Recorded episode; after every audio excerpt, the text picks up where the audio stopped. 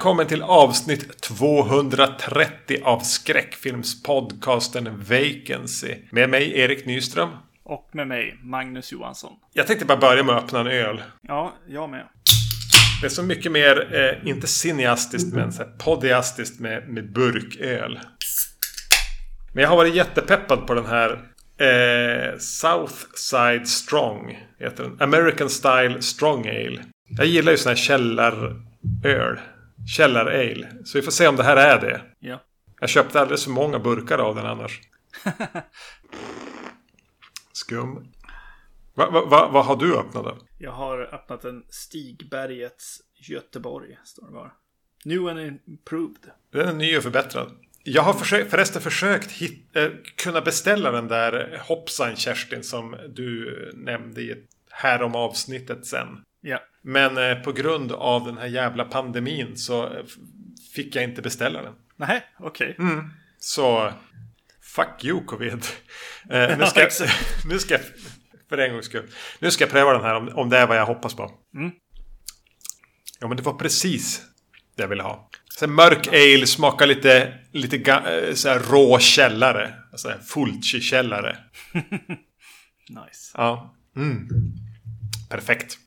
Några sådana ska vi ju nästan till i, i dagens avsnitt. Ja, vi ska ju det. Eh, vilka, är, vilka är filmerna? Eh, Det är Edgar Allan Poe och Roger Corman och Vincent Price eh, eh, som vi kör igång nu. Det blir väl två avsnitt här i alla fall. eh, Till att börja med. Exakt. Och eh, de vi ser nu är de tidiga eh, de gjorde tillsammans, höll jag på att säga. Edgar Allan Poe kanske inte var så eh, engagerad i de här filmerna. Nej, jag är lite besviken på hans bristen på engagemang från, från, från hans sida. Eh, det är eh, The Fall of the House of Usher från 1960. The Pit and the Pendulum från 1961.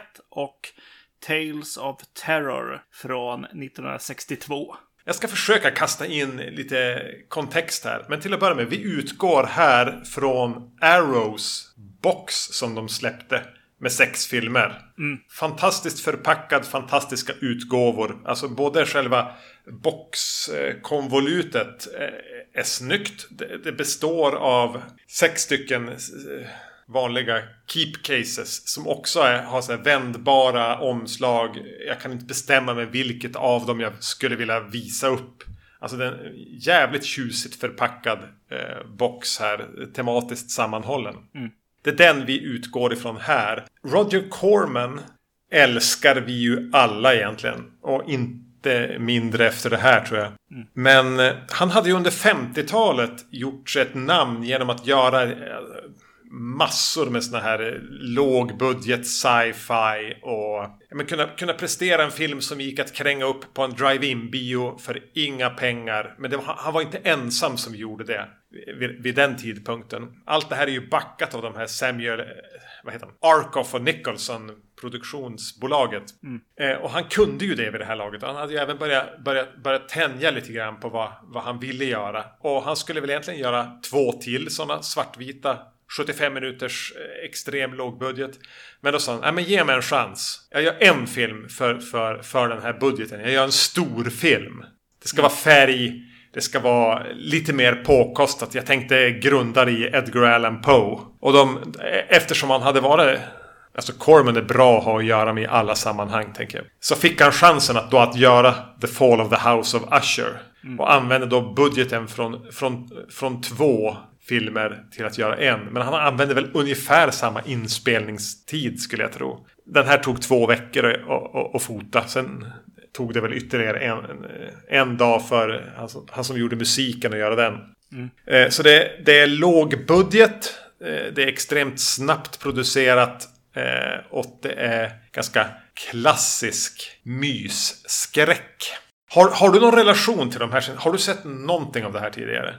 Nej, enda... Alltså när jag såg The Pit and the Pendulum så fick jag lite så här, hmm.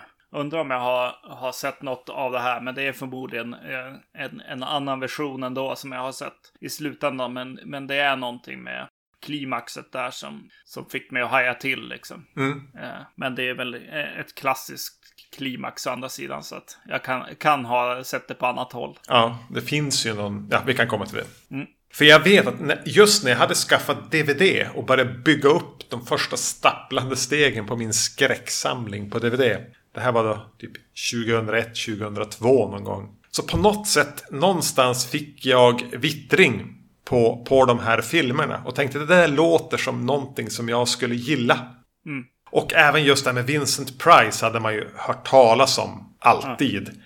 Men inte riktigt förstått varför. Förutom typ att han gör eh, jag menar Michael Jackson, Thriller, mm. rösten där. Eh, så hade jag ingen riktig koll.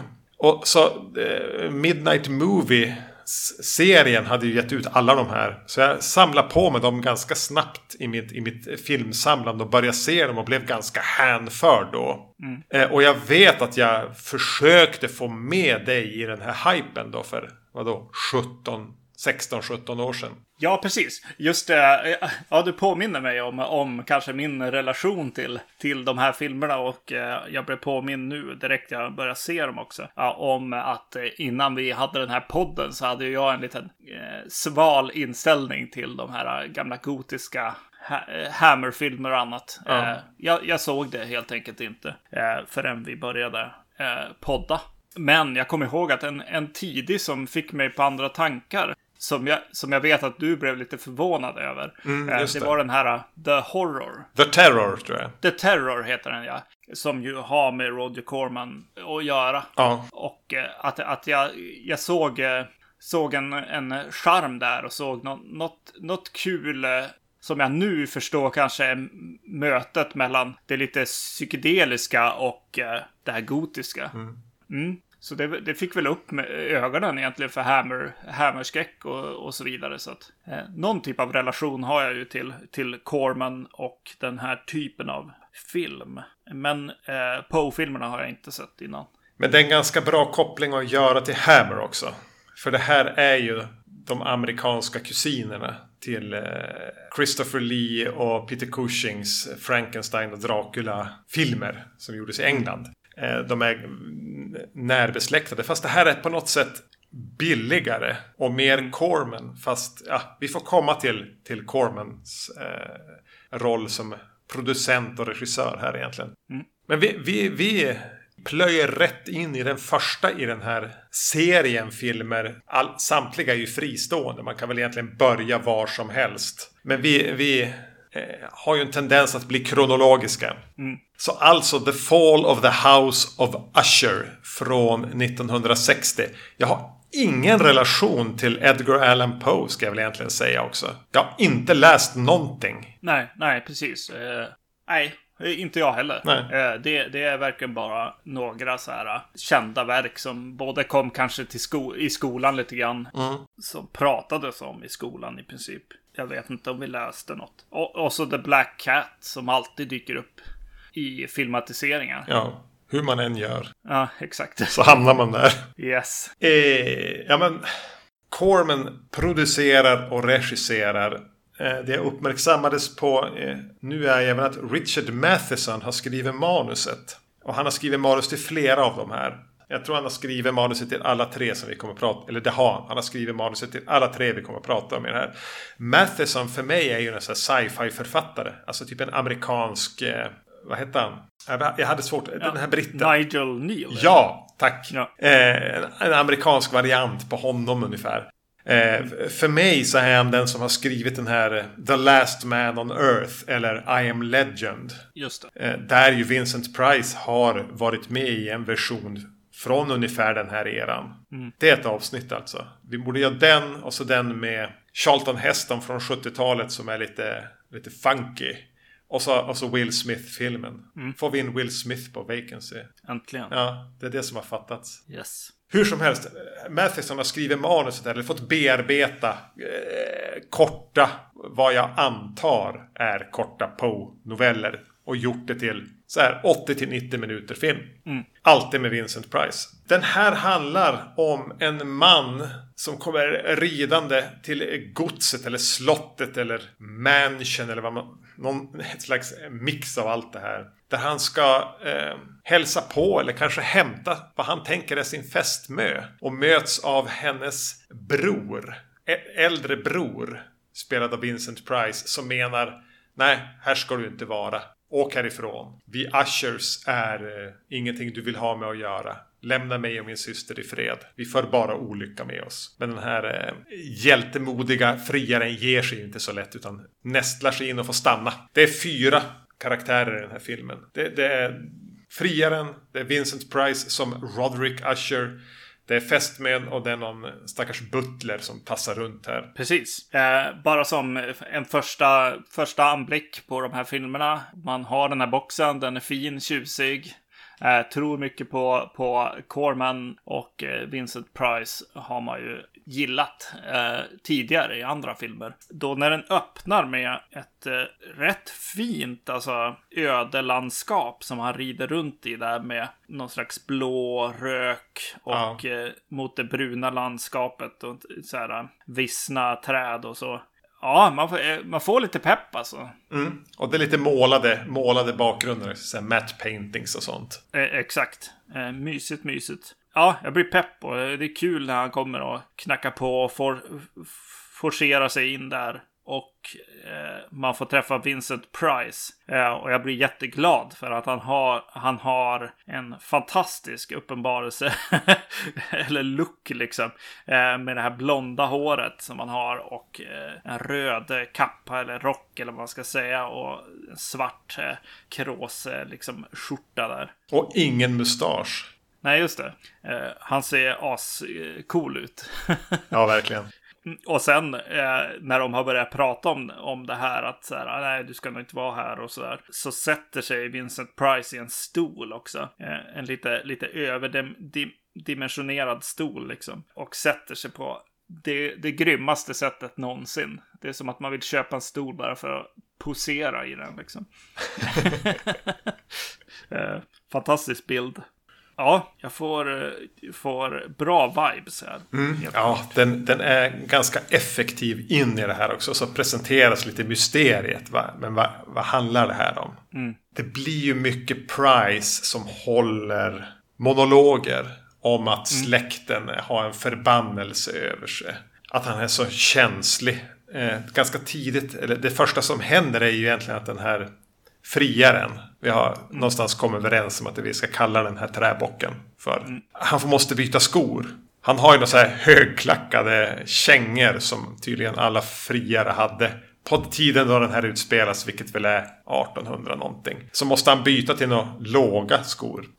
Vilket man får förklarat att, att de, de är mjukare, så det låter inte så mycket när han går runt i det här stenhuset. Eh, för att, för att eh, Roderick Usher här är ju känslig för allt. För ljud och för ljus och för höga röster. Och, han är en riktig jävla gnällspik. Och hamnar i så här eviga monologer poetiska monologer om den släktens förbannelse och eh, att, att de är det de är och de, släkten ska dö med han och hans syster för det är det bästa.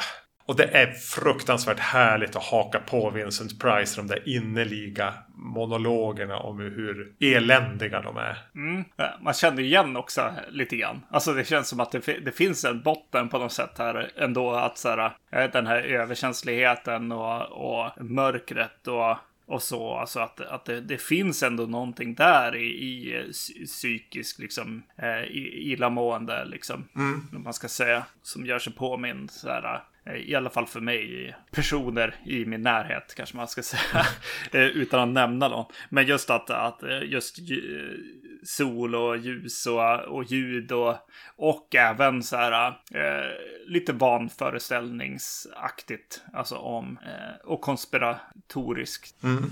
på något sätt om, om att det finns eh, övernaturliga saker där ute liksom, som påverkar. Jag tyckte, jag tyckte att det, det finns ändå no, no, något intressant där. jag blev, blev, blev, lite in, in, intresserad. Jag vet inte om det är manusförfattaren här eller om det är Edgar Allan Poe som ändå tar tag i någonting där. Och jag upplever inte heller att det, att det bara är att de är förlorade eller att Roderick här, Usher, är förlorad i psykisk ohälsa. För jag upplever ändå att han har jag kan ändå relatera till att det finns spår av sanning i hans... Ja, men allt är ändå kört. Vi kommer alla att dö. Alltså mm. det, det, det är jordat i någon slags pessimistisk livsåskådning också. Särskilt med tanke på det här döda öde landskapet som bara breder ut sig och att, att huset här som verkar hålla på att spricka hela tiden.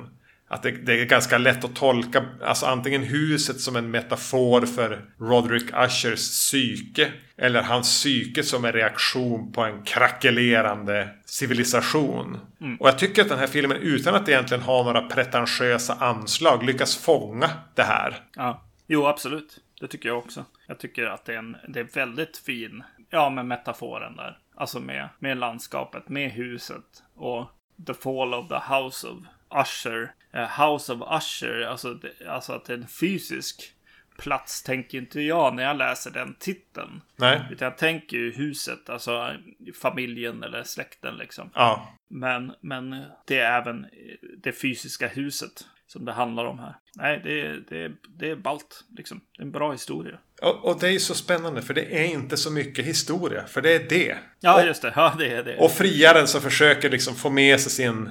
Försöker prata med Roderick om att ja, men, så illa är det inte. Och nu ska jag ta din fest med härifrån. Det är bara du som är överdrivet pessimistisk eller det är du som är sjuk eller vad det nu handlar om. Mm. Ja, sen blir det förvecklingar. Jag tänker att vi inte behöver gå in på Ja, kanske lite spoilers, men ändå att den, den har ganska lite story. Men den bara sveper förbi just. På, eh, mycket tack vare Vincent Price. Mm. Eh, som bara är 100% investerad i, i det här. Ja. Eh, på ett sätt som gör att, att, eh, att det lyfter ju bortom eh, alltså Cormans förmåga att dölja en låg budget. Mm. Mm. För vi hamnar lite grann i det här. Det, är en, det var det jag tänkte på med spoilers. Hur mycket ska man spoila och inte? Eftersom jag redan sagt att det är fyra karaktärer här.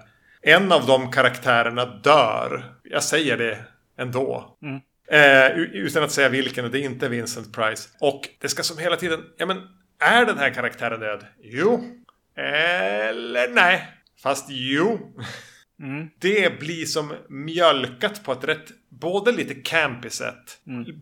och på ett lite så här, nu måste vi kavla ut det här till, till vadå, vad är den här, 80 minuter. Och mm. på ett ganska sätt som på något sätt vävs samman bra med tematiken. Med död och, eller oro för död eller ångest för döden. Mm. Eller kanske eventuellt som en befrielse. Mm. Hela den här jakten på, på karaktären som är död. Och så, jag, jag tänker ju också, äh, det kommer vi komma vidare på också, men det finns en, en redig liksom inbyggd, inbyggd liksom skräck lite grann. Jag tror att som jag, som jag läser in i Edgar Allan Poe här med det här med att bli levande begravd. Ja. Som eh, gör sig väldigt påmind här och, och kommer ju tillbaka eh, om och om igen. Mm. Jag, kanske, jag, jag tänker lite grann att kanske att den här är, är som du sa i början, att så här, eh, jag tänker basera det här på Edgar Allan Poe och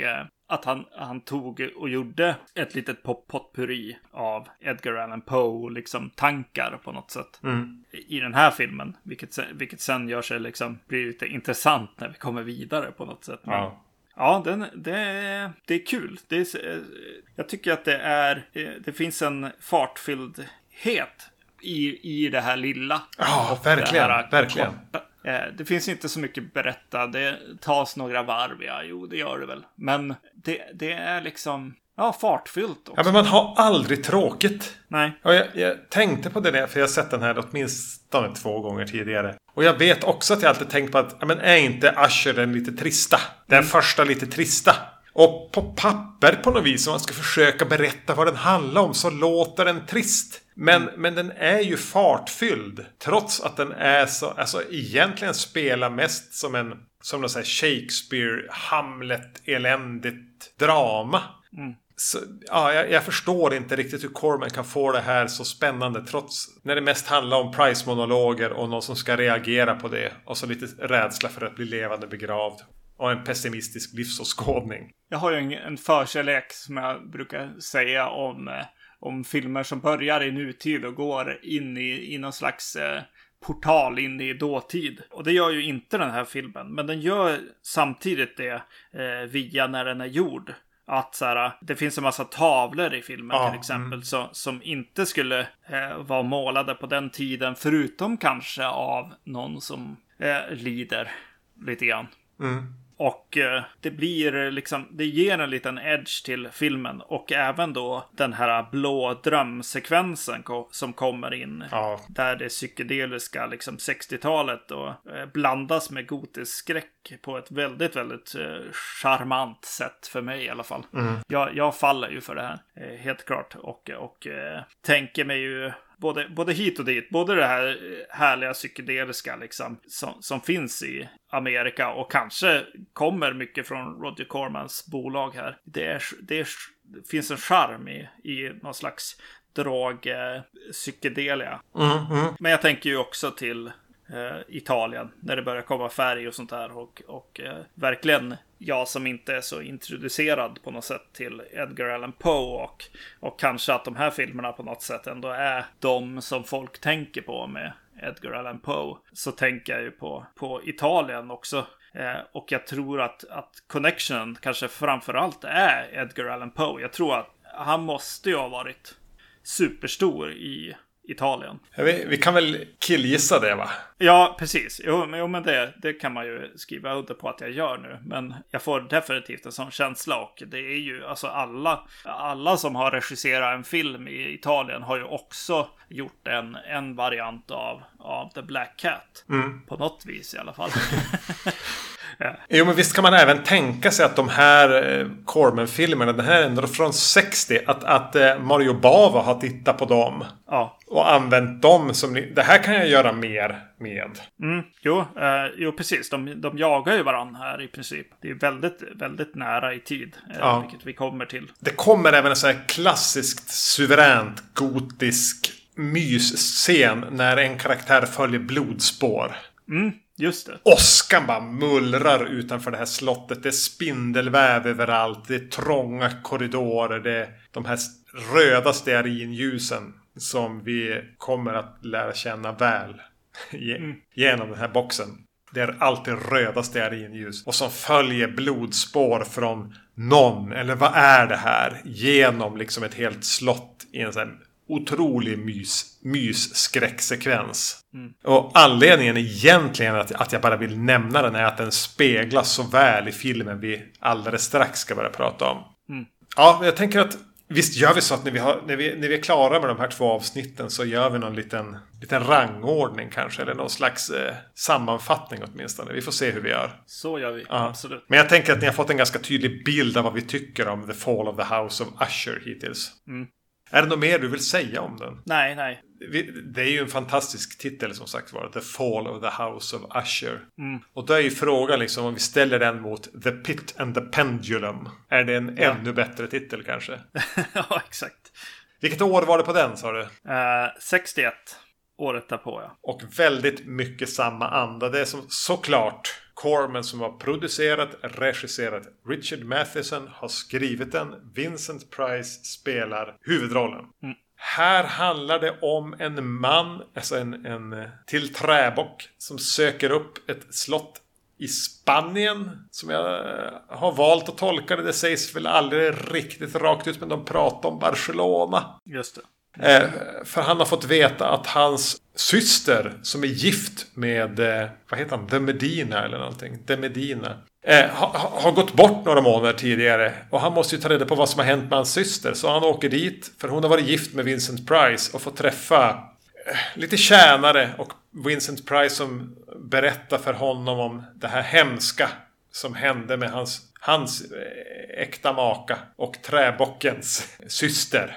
Och det visar sig väl så småningom att det finns varför dog hon? Vad, vad, döljer sig bakom det? Är det faktiskt så att hon har blivit galen av skräck och dött av det faktum att, att slottet som de bor i tidigare, alltså Vincent Price pappa var en av de värsta i den spanska inkvisitionen.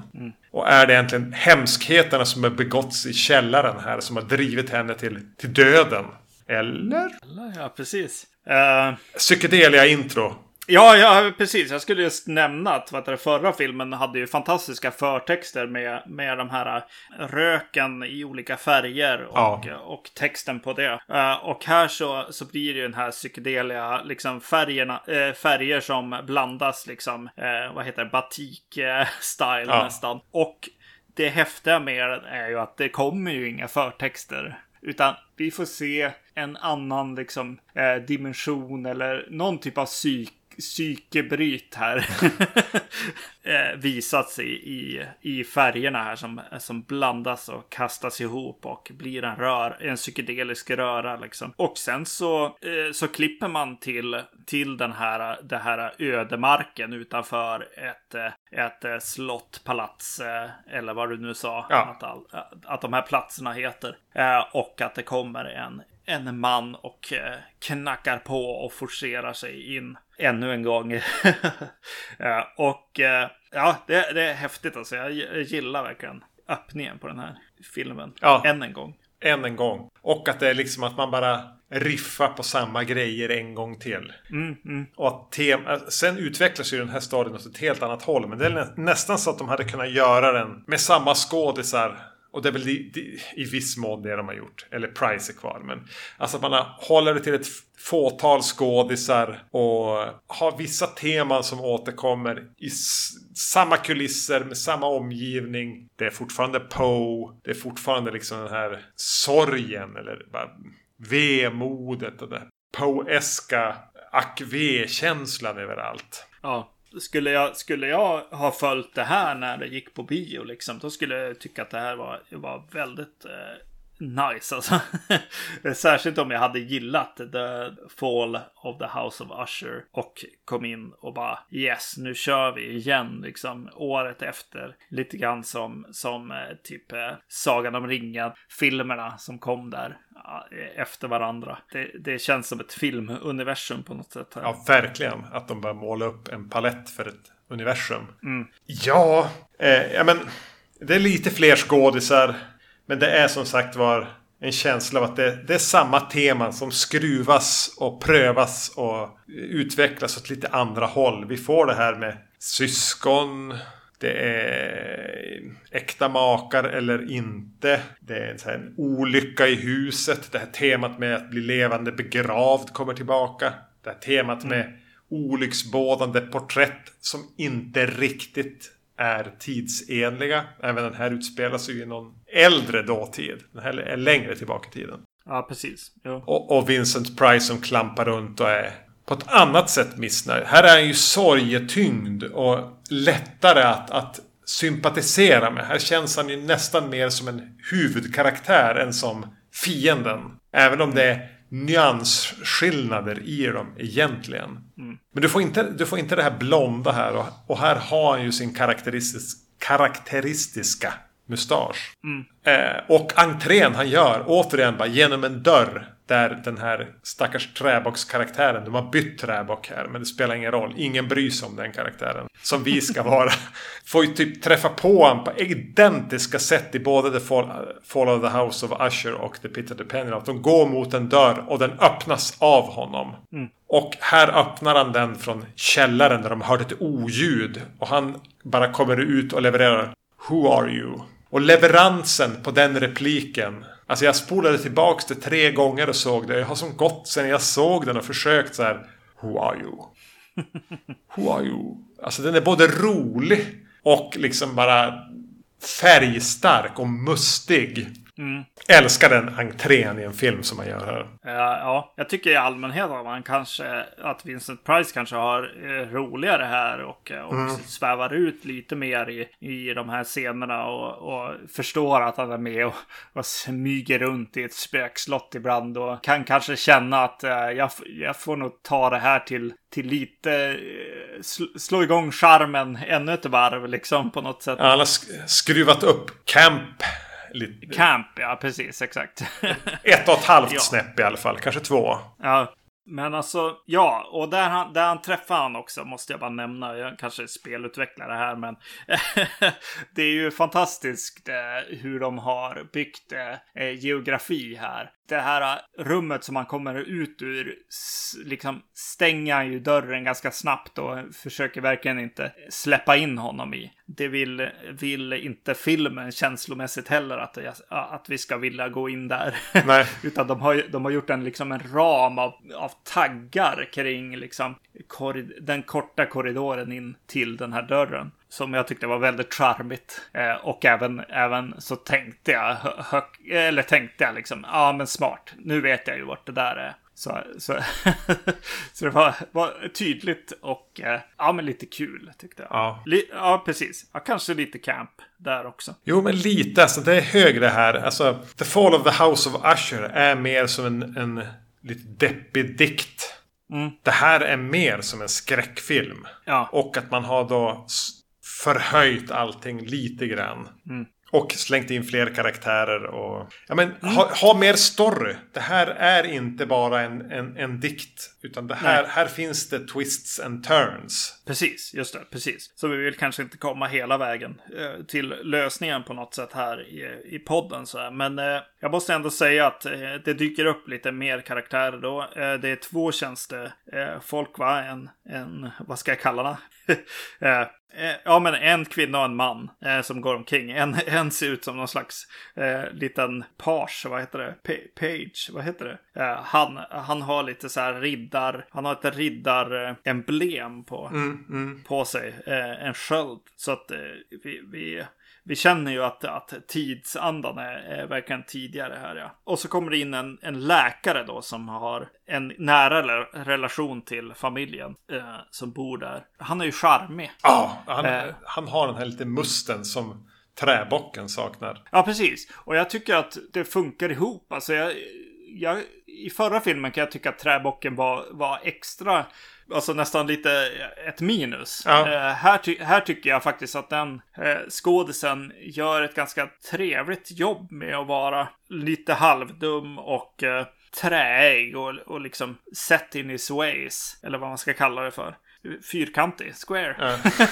Ja. eh, och eh, han passar in på något sätt i, i, i galleriet av karaktärer här. Eh, men det som jag eh, charmas mycket av, vi pratade om fart i förra filmen. Och här så har de istället, har de liksom valt att pumpa upp eh, saker som ska vara eh, lite läskiga. Alltså, det är ju så här, spökar hon? Eh, är ju liksom ett tema genom, mm. genom filmen här. Då börjar de höra musik eller olika ljud på olika platser. Jag, jag, jag charmas otroligt av att de springer runt och samlar upp varandra. Eh, och blir ett stort gäng som sen vågar sig in i i själva rummen som de ska in i. Mm, just det. Eh, mm. Det, det, det, det, är något uh, lite unikt med den här filmen. Att göra så istället för gå ensam in och, och bli skrämd. Liksom. Det, det är något... Jag vet inte, något fint med att, att de samlas ihop. Det kanske är, vad heter det, att, att vi är inne i covid-karantän här som gör att jag bara, åh, jag vill också samlas ihop och gå in i ett spökrum liksom tillsammans om vi ändå fick vara tillsammans. ja, men det, det, är ju någonting man, alltså den, den utspelas lite före vissa eh, genrekonventioner är riktigt satta. Mm. Tänker att det är det lite grann. Men även ja. att de har fått ihop ett liksom trivsamt gäng här. Mm. Som, är, som är behagligt att hänga med. Oavsett liksom i, i, den mån de är träbockar eller om de är Vincent Price eller om de är en spansk doktor. Mm. Eller en lite avokt inkastad syster till Price här. Mm. Så blir det som ett, ett Scooby-Doo-gäng. Ja, precis. Yes. Och, och, och, det, finns ju, det finns ju mer story här. Alltså det finns en backstory. Eh, som faktiskt där det finns en psykologisk förklaring som inte bara är liksom en så här. Alla är, som i Usher är det bara alla, är, alla i min släkt är galna. Mm. Det, det är backstoryn. Här är, ja. finns det liksom plot points i, i, i bakgrunden också. Mm. Och Vincent Price i en tillbakablick Eh, får spela sin egen pappa och vara riktigt bred i skådespelet. Mm. Ja. Men vi... Eh, och i må många av de här tillbakablickarna och liksom händelserna som, som balanserar på verklighet eller fantasi eller övernaturlighet liksom. Så, så blir det ju också någon, någon slags känsla av det här psykedeliska. Använda mycket förvrängda liksom, bilder och sådär. Ja. När det kommer in. Filter och grejer. Och även här har vi de här röda stearinljusen ska jag väl säga. Ja, just det. Ja, bör presenteras något mer va? Jag tror att det var i den här. Jag så, såg ju alla filmerna här på samma, samma kväll här så att de flyter ihop på ett sätt. Ja, men det är väl ja, ja, det är så man ska se de här tror jag. I, i, i Ja. klump. Men det är nog, det är nog röda eh, vinglas också som börjar, börjar eh, göra sig påminda genom Ja, filmerna här. Så att eh, de där ljusen och, och glasen kom med lite. Men ja, men kanske när vi ändå pratar om sånt. Så jag tänker att jag borde kunna, att jag borde rulla på ögonen lite grann i den här filmen ibland. Eh, Men jag blir ju otroligt char charmad av att att vädret eh, reagerar på sinnesstämningen i slottet. Att, att när det väl börjar blixta där ute och regna som fan, då, då, då är det inte bra stämning där inne. och det är ju superhärligt, tycker jag. Jag blev väldigt glad att, att de tog sig liksom tid och bara gå ut och, och titta på regnet där och, och verkligen låta det sjunka in med, med hur eh, alla har det där inne liksom. Det är eh, snyggt filmskapande på något sätt. Ja, i den här enkelheten. Man vet att det är Corman som har spelat in liksom ett eh, åskoväder. Mm. Men fa- han är ju bra på det här. Alltså han eh, har inte fått tillräcklig cred för att vara en sån här mikrobudgetregissör. För han håller ju ihop de här kulisserna. De här eh, charmiga men ändå uppenbara matte paintings. Att, att använda liksom vädret så tydligt liksom som en markör för vad som även händer där inne. Att använda billiga skådisar. Att, att så här, pumpa upp en, en eh, Poe-novell till en, en feature length film. Och göra det här på två veckor. Alltså spela in allt på två veckor. Ja, nej, nej, precis. Utan, eh, han gör ju allt, allt med den här budgeten. Helt klart. Han gör ju en helt vanlig film. Ja, precis. en, en, det, det känns verkligen inte av. Utan, utan här är någon som vet hur, hur fan man spenderar de där pengarna, höll jag på att säga, på ett, på ett återhållsamt sätt. Ja, helt enkelt, ja. kanske. Snarare än att, att man verkligen känner av det. Det är inte som de andra lågbudgetregissörerna här. Men Alltså du känner ju inte att det här är billigare än en Hammer-film från samma era. Nej, nej, inte alls. Men vi måste ju ändå nämna att Barbara Steele dyker upp. Ja, exakt. Hur glad blev du då? ja, det var ju väldigt nice. Eh, men jag blir ju väldigt, väldigt förvånad också. Och börjar slå på IMDB och bara, vad fan är det som händer här? Eh, det är liksom Barbara Steele och, eh, och eh, hon, hon har ju liksom eh, råkat hamna i en Iron Maiden. Eh, eller vad de nu heter. Ja. En sån här eh, tortyrredskap där. Det, det, det är ju Black Sunday. För fan. det är ju hennes mest ikoniska roll på något sätt. Ja. För mig i alla fall, Mario Bavas liksom. Black Sunday, så jag var ju tvungen bara, när kom den då? Eh, och den kom ju året innan. Så det är ju jättenära i tid som hon gör en liknande liksom Ja. roll här. Och hon var från England också, Barbara Steele. Eller är, hon lever fortfarande. Så Ja. först till Italien och spela med Bava. Och så liksom upp på planet, över Atlanten. Hej Roger Corman, nu ska jag göra samma sak med dig och Vincent Price här. Ja, alltså man börjar ju fun- fundera och undra liksom. Vad, finns det någon connection? Vet folk om vad de andra gör? Och ser, ser en amerikansk eh, regissör en italiensk film och tvärtom? Eh, det, det, det, eh, ja, man, man undrar ju. Man vill, man vill eh, hoppa bakåt i tiden och bara vara med och få säga, men hur, vad, var diskussionerna som gick? Ja, Vad, vad, var, vad, var, vad var kopplingarna? Alltså hur kunde de gå så snabbt för, före internet? ja, precis. Eller så var det kanske bara vad det, någonting som låg i luften. Den här kvinnan behöver en Iron Maiden. exakt, exakt. Jag nämnde det tidigare när en karaktär följer ett blodspår och det åskan mullrar. Och här får vi egentligen en, en spegling av den scenen. Som de här filmerna speglar varandra i mångt och mycket. Eh, och här är det Vincent Price som går genom en... Ja, men han letar sig som in i en lönnkorridor och kämpar med spindelväv. Och mm. följer rösten av någon som ropar på honom. Där. Nikolas! Eh, länge, länge pågår den här scenen. Och den är så inträffar ungefär samtidigt som den här följa blodspåret-scenen och fyller lite grann samma funktion i hur det leder upp till klimaxet. Att, och den är ju fantastiskt mysig. Mm. Eh, och, om jag bara skulle få önska någonting egentligen av den här filmen, men kanske framförallt den scenen. Så är det ju att, att de skulle ha låtit lite mer utspelas i, i mörker. Och inte vara just så lågbudget upplyst som det är. Mm. Och sen, ja precis. Ja, det är ju en jä jä jävligt cool liksom scen också med, i, i kli klimaxet här också. Där, där titeln gör sig påmind. Jag, jag, jag, älskar ju att titeln ligger och, och pyr i filmen. ja, verkligen. Eh, och, och öppnar också med den. Att så här, det finns någonting som du inte vet eh, vad det är eller har sett förut. Som vi kommer att använda någon gång. Och att de, de mjölkar det så jävla långt som de gör liksom i, i filmen är ju, är ju charmigt på något vis. Ja, det är ju jäkligt coolt. Eh, alltså filmat och sådär. Alltså man, man, man känner, ju, känner ju av den sekvensen. Ja. Liksom. Det känns lite obehagligt. Liksom. Det är inte konstigt att, att uh, den gör sig påmind i, i så-filmerna eller i, i remakes på, på den här historien. Eller vad man ska säga, andra filmatiseringar av den här historien. Nej, det är ju lätt att tänka att man vill använda det där. Jävligt cinematiskt. Ja. Mm. Lite James Bondigt på något sätt. Mm. Eller Batman. ja, kanske mest Batman. Ja. eh, för det här knyts ju ihop på ett så här Twilight Zone sätt också. Alltså nästan den här... Du, du, du, du, du, du. Precis. Och ja, man kan ha åsikter. Det förtar väl lite den här... Alltså det känns inte som en dikt på samma sätt. Men det här känns Nej. mer som en, en uh, mustig skräckfilm. Ja, yes. Jag såg... Mm. Eh, jag hade inte sett den här på många år.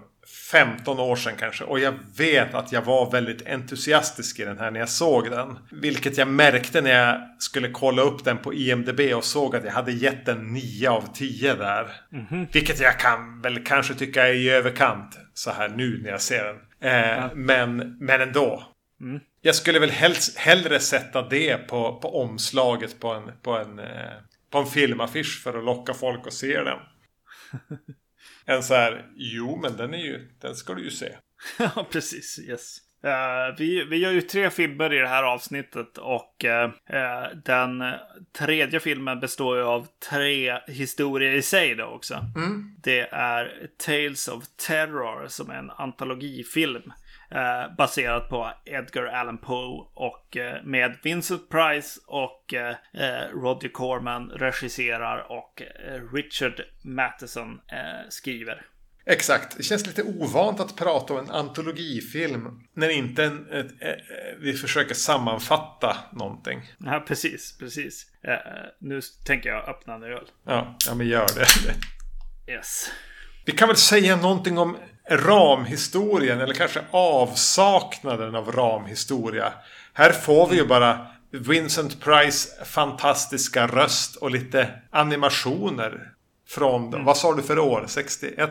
2? 62. Ja. Mm. Den första börjar egentligen bara med ett, med ett uh, pumpande hjärta och uh, Vincent Price som pratar om, om hjärtslag och, uh, och Eh, det är roligt för det går en, en viss eh, hjärtakt liksom. Och ska man sitta där i biosalongen och så bara, ja det här är slaget av ett hjärta liksom. Och så bara, hur slår ditt hjärta? Eh, är det likadant? Och så säger han, det här är hjärtslaget av en döende man. det är jättebra. Jo men det sätter ju... Fan! Jaha.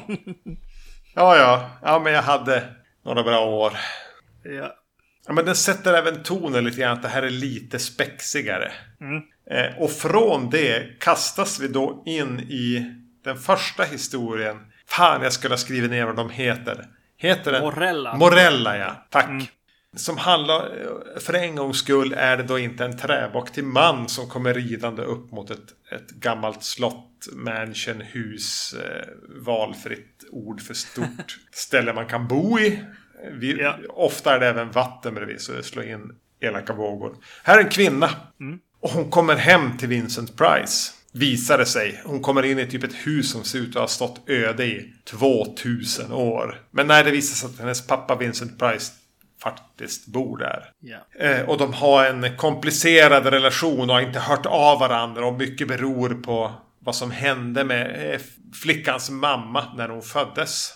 Någonting sånt. Och den påminner ju, alltså den, den tar ju verkligen vid de här två tidigare. Fast här har man reducerat ner det till två, sedermera tre skådisar. Och en speltid på så här 20-25 minuter. Och bara mörker. ja, ja, hon eh, dyker upp där och går in i, i, i slottet och det är spindelväv överallt. Ja men alltså så här, Liksom, man, över vad som är rimligt. I, ingen Ja. spindel skulle gå in där.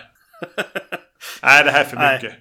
Nej, precis. Jo, eh, och jag bara började tänka hur många spindlar finns det där inne egentligen? Och just när jag började tänka det så, så visar de även någon, någon jättespindel där. Och man inser att de, det faktiskt eh, kryper runt lite, lite eh, spindlar från något zoo där inne också. I vissa se- sekvenser. Det är ett matbord till exempel som är fullt med spindelnät. Eh, eller väv. Ja, det, det här är en historia som är lite spännande. Jag, jag, gillar setupen på något sätt. Eh, Dotter, dottern kommer in i, tillbaka liksom efter många år, vilket är typ alla hennes år. Ja. För att, eh, att hon blir i princip bort eh, adopterad, gissar jag Ja, det är känslan.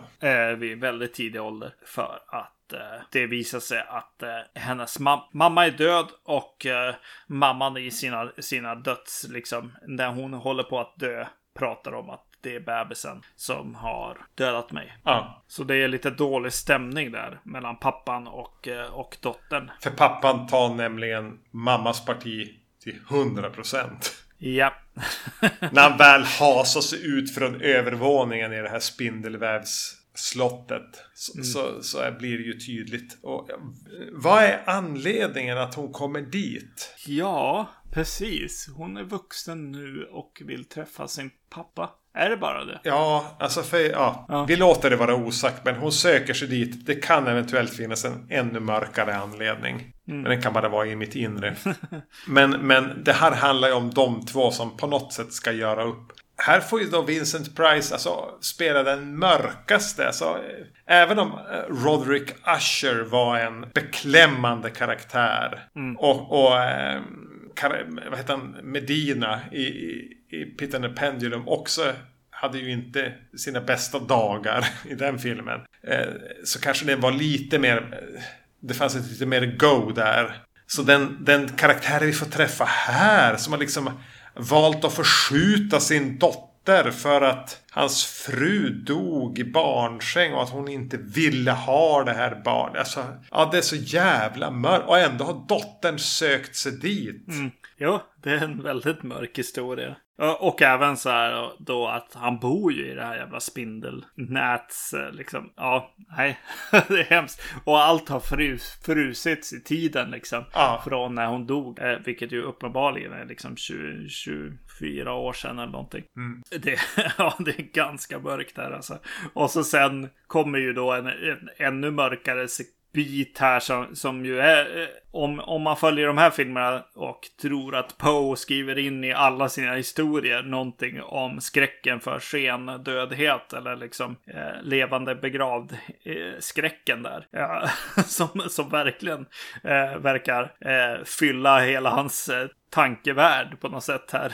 Edgar Allan Poe. Eller så lånar de från samma historia, så kan det vara. Men eh, det kommer ju tillbaks här och, och blir, blir lika mörkt det på något sätt. Ja, Det är en mörk tanke, helt klart. Ja, det är ju det. Mm. Men här, det, det är som att de har bara valt att koka ner allt mörker som finns i det de har försökt berätta hittills. Va? Här är 20 minuter kondenserat mörker. Ja, Jag tycker det är snudd på fantastiskt. ja jo, är väldigt bra. Och Price har nog kanske aldrig varit bättre än vad han är här. Nej, nej precis. Han är bra i allt egentligen. Men här är, ska vi säga hittills, det bästa. Alltså, sorgtyngda, liksom, det finns ett hat, det finns en... Ja, allt. Ja, det är någon slags eh, eh, variant eller eh, föregångare till The Shining på något sätt också. Hur, hur jävla mörk och alkoholiserad och allting den här mannen är. Och ändå är han pappa. Ja, precis. Exakt. Ja. Och, och för henne är han ju ändå pappa. Och hon Ja. ser en anledning att försonas med alltså, Hon borde ju ha vänt i dörren. Ja. Hon borde ha vänt i dörren. Men ändå då hade vi sluppit liksom det här mörkret. Eh, här, det här är bara en kommentar bara för att jag noterar den eftersom att jag såg det samma kväll. Eh, här använder Roger Corman klipp från House of Usher också. Lite grann. För lite specialeffekter. Ja, jo, det tänker jag kommer att komma tillbaks ännu mer. Ja, Men det är okej i det här kosmoset. exakt. Ja, men eh, det är den första historien. Den, den sätter ju en ton. Alltså, man, man kan ifrågasätta varför den ska ligga först här. Ja, den krokar i de andra två. Väldigt tydligt. Men den sätter ju en ton för vad man ska förvänta sig av de andra två som blir llir knepig. Eh, ja, precis. Jo, det är sant. Kanske, kanske. Fast fan, vill man lämna salongen från en antologifilm med den här i bagaget? Ja, då går man ju Nej. aldrig med på bio i hela sitt liv. Nej, den är lite svår, svårplacerad kanske. Ja. Så det, det kanske är bra här, men den, den gör ju nästa historia lite li, lidande på något sätt ändå. Vilket är då The Black Cat. Den är även inspirerad av någon annan som heter ungefär som något av vinen. Läste jag. Ja, okej. Så de har kokat ihop två berättelser här. Ja, Och här kastar vi in någon annan gammal klassisk skådis i alla fall. Price är inte ensam längre. Han återvänder i en annan roll här, ska vi säga. Men här spelas väl egentligen huvudrollen av Peter Lorre. Eh, som, har, som är en jävla fyllskalle. Som har en ung fru som han skiter i. Eh, han hatar katter och han vill bara supa. I något desperat försök att eh, få sig en gratis fylla så råkar han stöta på Vincent Price karaktär som är någon outhärdlig eh, snobb. Som inleder en eh, affär med Peter Lorres försakade hustru. Och så vidare och så vidare. Det här är alltså en av de mest klassiska Poe-historierna. Tänk att vi kan avslöja vad som händer här. The Black Cat. Har man inte koll på den storyn så... Ja. Eh, jag, jag, jag gissar på att eh, det är kanske därför de har kokat ihop de här två grejerna. För att man, man, man ska komma till punchlinen på något sätt här. Och eh, det är... Det är liksom det det handlar om när man filmar den här eh, historien. Vilket ju många, många har gjort. Exakt. Och, och den är ju svår. Alltså den, det här är väl den längsta tror jag. Och den är ju lite svår att fylla än så här. Alltså, om du vill göra 30-35 minuter. Så det de väljer att göra är ju att lägga mycket fokus på Peter Lorre här. Och att det ska vara roligt att han är en ganska osympatisk fyllskalle. Som letar nästa eh, vi, eh, glas vin. Men, men samtidigt måste jag då ändå säga att även om Peter Lorre, det här var bara några år innan han dog. Och han var ordentligt på dekis med något så här opiatmissbruk och egen alkoholism. Och att han levererar ju fortfarande som en karismatisk lite udda karaktär på, på, på duken. Tycker jag i alla fall. Vad säger du? Eh, jo, men det tycker jag han gör. Uh, och jag gillar också... jag gillar ju det, det, den lite mer komiska tillfället i den här filmen. Där, där då den här alkisen som, som ju har ett mörker och är jävligt osund mot sin, sin fru och så. När han stapplar in där på en vin, vinkällare som har någon sån här prov, eh, vinprovningskväll. Och han, han eh, liksom bara stapplar in så att säga. Och eh, där har de ju en av de mest fantastiska vinkännarna eh, som gäst som då ska göra ett, nästan ett trolleritrick genom att, att eh, kunna eh, pinpointa vilket vin och vilket årtal någonting, eh, ett vin kommer ifrån och vart de kommer ifrån. Och, och eh, då att han som alkis då, som har druckit allt, eh, ska komma in och börja tävla då, tycker han. Det är en liten kul och lättsam scen. Ja. Och Vincent Price är riktigt bra i den scenen på något sätt med sitt sätt att smaka av och, och, och det här eh, sista liksom inandningen han gör är ju, är ju för kul liksom. Ja, det är ju det. Det är så här töntroligt. Men ja. både Laurie och Price levererar ju. Ja. De har kul med scenen, de känner att de funkar bra ihop. Och de får bara tramsa lite grann.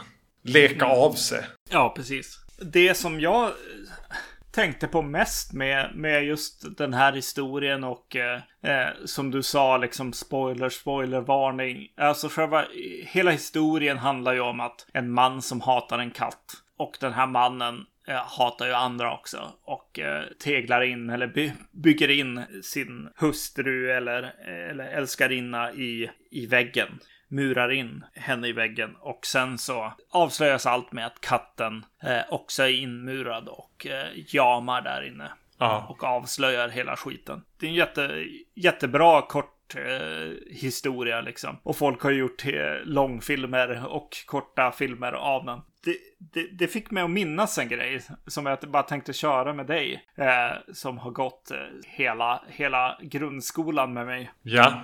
Läste inte vi en historia om en lammstek eh, i skolan? En historia om en kvinna som har, har liksom slagit ihjäl sin man, tror jag det var. Och så kommer polisen. Hon har slagit ihjäl mannen med en frusen lammstek. Som hon sen lagar för polisen. Jag vet inte om vi har läst den. Men jag vet att det här är en berättelse så här Alfred Hitchcock Presents. Jaha, den har, har funnits i den också. Ja. Eller i den, ja. Ja, jag, jag kommer ihåg det som att det var en skol, liksom. En grej jag läste i skolan. Men det, det kan det också ha varit. Så vi läste ju en del sånt. ja, jag, jag precis och sjöng hemska sånger ibland ja. också. Tom Dooley där, ja. till exempel. Mm. Ja, ja, ja, precis kan ha varit våra lärare som hade lite, lite mörker i sig. uh, Okej, okay, just det. Ja, det är en Hitchcock-grej. Men om det varifrån Hitchcock har tagit den. Men jag tror att det är typ så första avsnittet av Alfred Hitchcock Presents. Ska vi säga dra i klockan och kolla vem som har skrivit den? Eh, ja, det kanske du kan göra. Ja, ja, ja jag ordnar det. Ja. Jag tror att jag hittade den. Eh, det var inte första avsnittet men kanske första avsnittet som fanns i den box jag såg. Eh, med hon, alltså Barbara Bel Geddes, hon som var med i Dallas och spelade Miss Ellie. Den är skriven av Roald Dahl. Ah. Så därav att han hamnade, eventuellt kan ha hamnat hos oss i, ja, i skolan. Just det. Ja, det var ett eh, jävla sidospår. och komma dit, men den påminner så, mig så starkt om, om just den här historien. Att, mm. att det är liksom en punchline, eh, hela historien på något sätt. Eh, det är inte vägen dit. Så att eh, det känns väl kanske eh, angeläget att, att eh, lägga till den här eh, vinkännar liksom spåret här. Ja, att bara ha lite kul. Ja. Det jag tycker också är rent bara en så teknisk sak som fungerar. Det är när Peter Lorre vaknar upp och är, är sjukt bakis. Och de har satt på en lins på han då, på kameran. Mm. Som förvränger allting på ett jävligt relaterbart bakis sätt. Ja. Och, och, om någon lyssnare undrar hur jag upplever det när jag är bakis så se då den här Tales of Terror andra delen när, när, när de använder en speciell lins. För det, det var obehagligt. Exakt, ja. exakt så där allt känns. Nej men den här är ju lite för lång på ett sätt. Alltså de tramsar upp den. Men den är väl okej okay just för att Price leverera igen. Laurie tycker jag leverera rimligt. Eh, men, ja. Ja, jag tänkte ju på, på Bad Lieutenant Ports, Ports of Call, vad heter han? New Orleans. När han ser en massa konstiga djur ibland också. Ja, hallucinationerna är ganska kul. Ja, ja. Yes. Eh, så Nicolas Cage kan ju vara med i, i remaken på den här filmen. Eh, Lite kul att du bara drar upp eh, Bad Lieutenant. För då tänkte jag på eh, Abel Ferraras version. Och då tänker jag på Harvey Keitel. Och då tänker jag. Var inte Harvey Keitel med i eh, Two Evil Eyes? Som Argento Romero gjorde. Ja, Då de filmatiserade The Black Cat. eh, absolut. Yes. Och, och vilken var då den andra i den? Var inte det den här The Case of Valdemar? The Black Cat då? Ja, det kanske det är. Det kanske det är. det var så jävla länge sedan jag såg det. Jag kommer bara ihåg The Black... Nej, det är The Pit and the... Nej, det är bara en referens till The Pit and the Pendulum i den, ja. Eh, precis i början. Ja, jag håller på att kolla här. Ja. Keitel är med i alla fall. Mm. Ehm, Dario Argento har självklart eh, liksom avslutat The Pit and the Pendulum, liksom fällan. eller vad man ska säga, tortyren i den filmen. A greedy wife kills her husband but not completely. A sleazy reporter adopts a strange cat. Jo men det the facts of, in the case of Mr. Valdemar. Ja, jo. Jag hade rätt. Så då hoppar vi till den. Ja, Sista delen. Eh, The case, the strange, bla bla bla, Valdemar, bla bla bla. Som är den sista delen. Här spelar Vincent Price en döende man. Som är gift med en kvinna som skulle kunna vara hans barnbarn. Ja, Men eh, hans läkare vill som få göra ett litet, litet experiment när han dör. För att hålla han kanske vid liv ett litet tag. Bara för, bara för vetenskapens skull. Men den här, den här läkaren är naturligtvis tänk, tänd på det här barnbarnet också. Fast, eller hustrun. Och ha, ha andra idéer med vad som ska hända när Valdemar har dött. Typ så. typ så. Läkaren här spelas då av, av min favorit Sherlock Holmes. Basil Rathbone. Brittisk karaktärsskådis. Peter Cushing-skolan. Just det, precis. Ja, jag har väldigt lite eh, referenspunkter på, på honom, helt klart. Jag känner igen honom. Har väl sett någonting. Kanske en bild på Sherlock Holmes. Han är skitbra som Sherlock Holmes.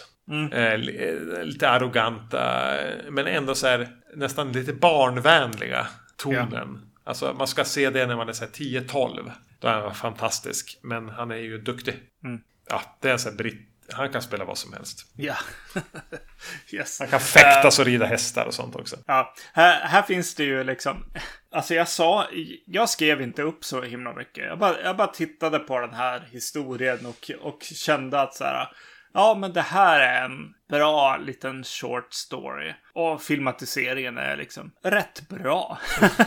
Ja. det var det jag kom fram till och, och eh, jag, jag tyckte ju om hur de gjorde den här konstiga triangelkvartettdramat här. Ja. Eh, där Vincent Price har en ung fru. Det finns en ung läkare som är så här, eh, ja men hans, hans läkare helt enkelt.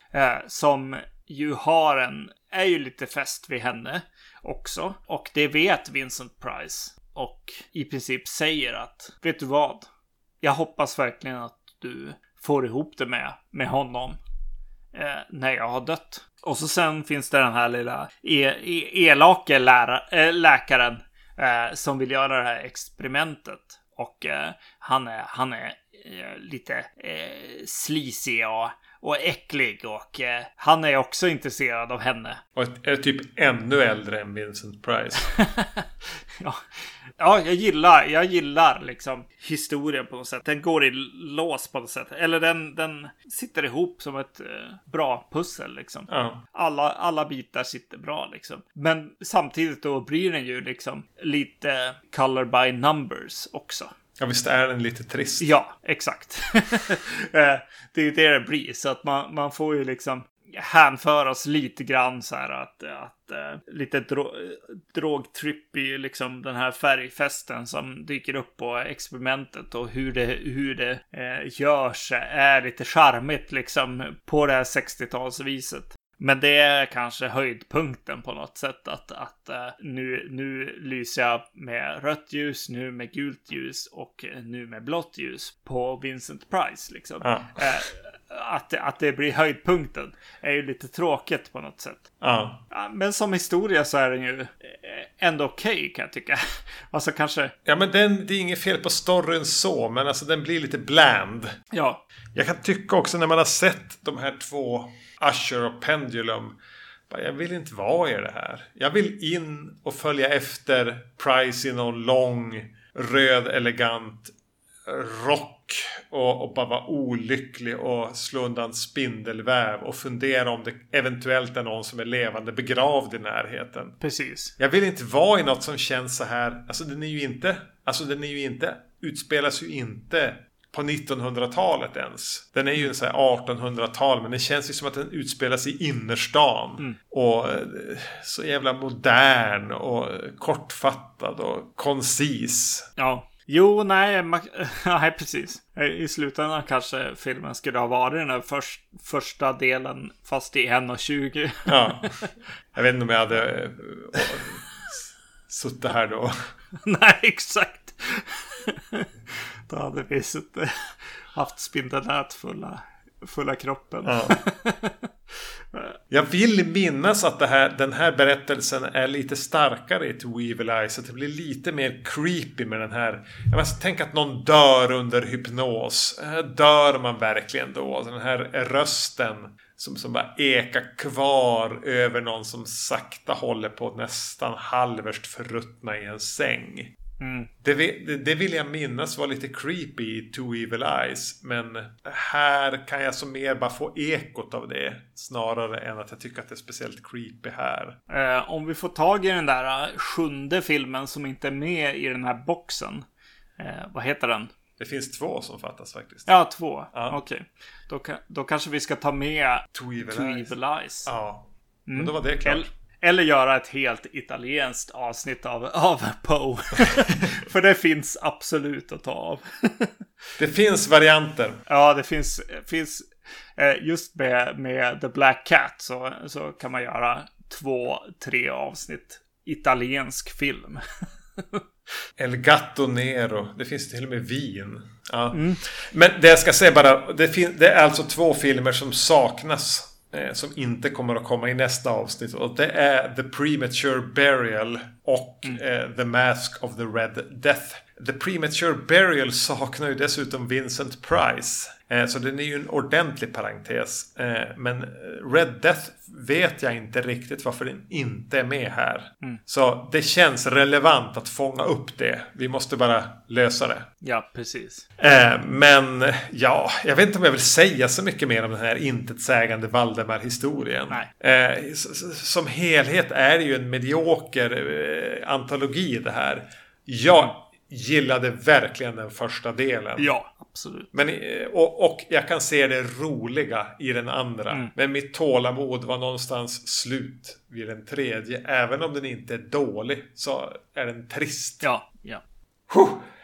Vi, har, vi har tre filmer kvar. Ja, Som vi kommer att gå vidare med i nästa avsnitt. Eh, då blir det alltså The Raven. Det blir The Haunted Palace. Och det blir The Tomb of Lygia.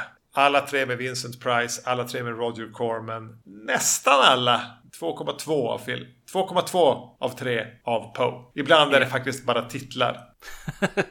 Men det blir, det blir nästa del och då tänker jag att vi försöker sammanfatta den här upplevelsen också och, och kanske vet mer hur vi, om, vi, om vi tänker att vi ska följa upp det här. Vilket vi ska. Vi måste. Den här eh, sviten filmer består av åtta. Men sex av dem var med i boxen som vi har för handen. Så vi måste ju vi måste sluta cirkeln. Men, men ja, det blir senare. yes. Vi finns på Spotify. Eh, ett behändigt sätt att lyssna på poddar om man inte vill hålla på och ladda ner avsnitt för avsnitt. Vi finns på andra podcastleverantörer. Vi finns på iTunes. Om man känner att man har tid över om man ändå använder iTunes podcastleverantör. Gå in och ge oss ett betyg där. Gärna högt såklart. Men, men eh, har ni även än mer tid över skriv ett litet omdöme. Facebook kan man söka upp oss på. Vi, heter, vi finns där på Vacancy. Kommentera det här avsnittet. Kommentera tidigare avsnitt. Eh, man kan eh, skicka meddelanden till oss där med synpunkter. Eller förslag på vad vi ska prata om framledes kanske. Vi har en mailadress också va? Uh, yes, podcast at vacancy.se. Och eh, jag startade en eh, grupp för ett eh, bra tag sedan på Facebook som heter Filmpoddar. Där eh, vi försöker samla eh, Sveriges filmpoddar. Där de lägger ut nya avsnitt och så. Så att om ni söker efter en ny filmpodd eller har en, gå gärna med i den gruppen så kan ni se när nya avsnitt eh, dyker upp. Exakt. Ja, ha det bra. Tack och hej! Hej!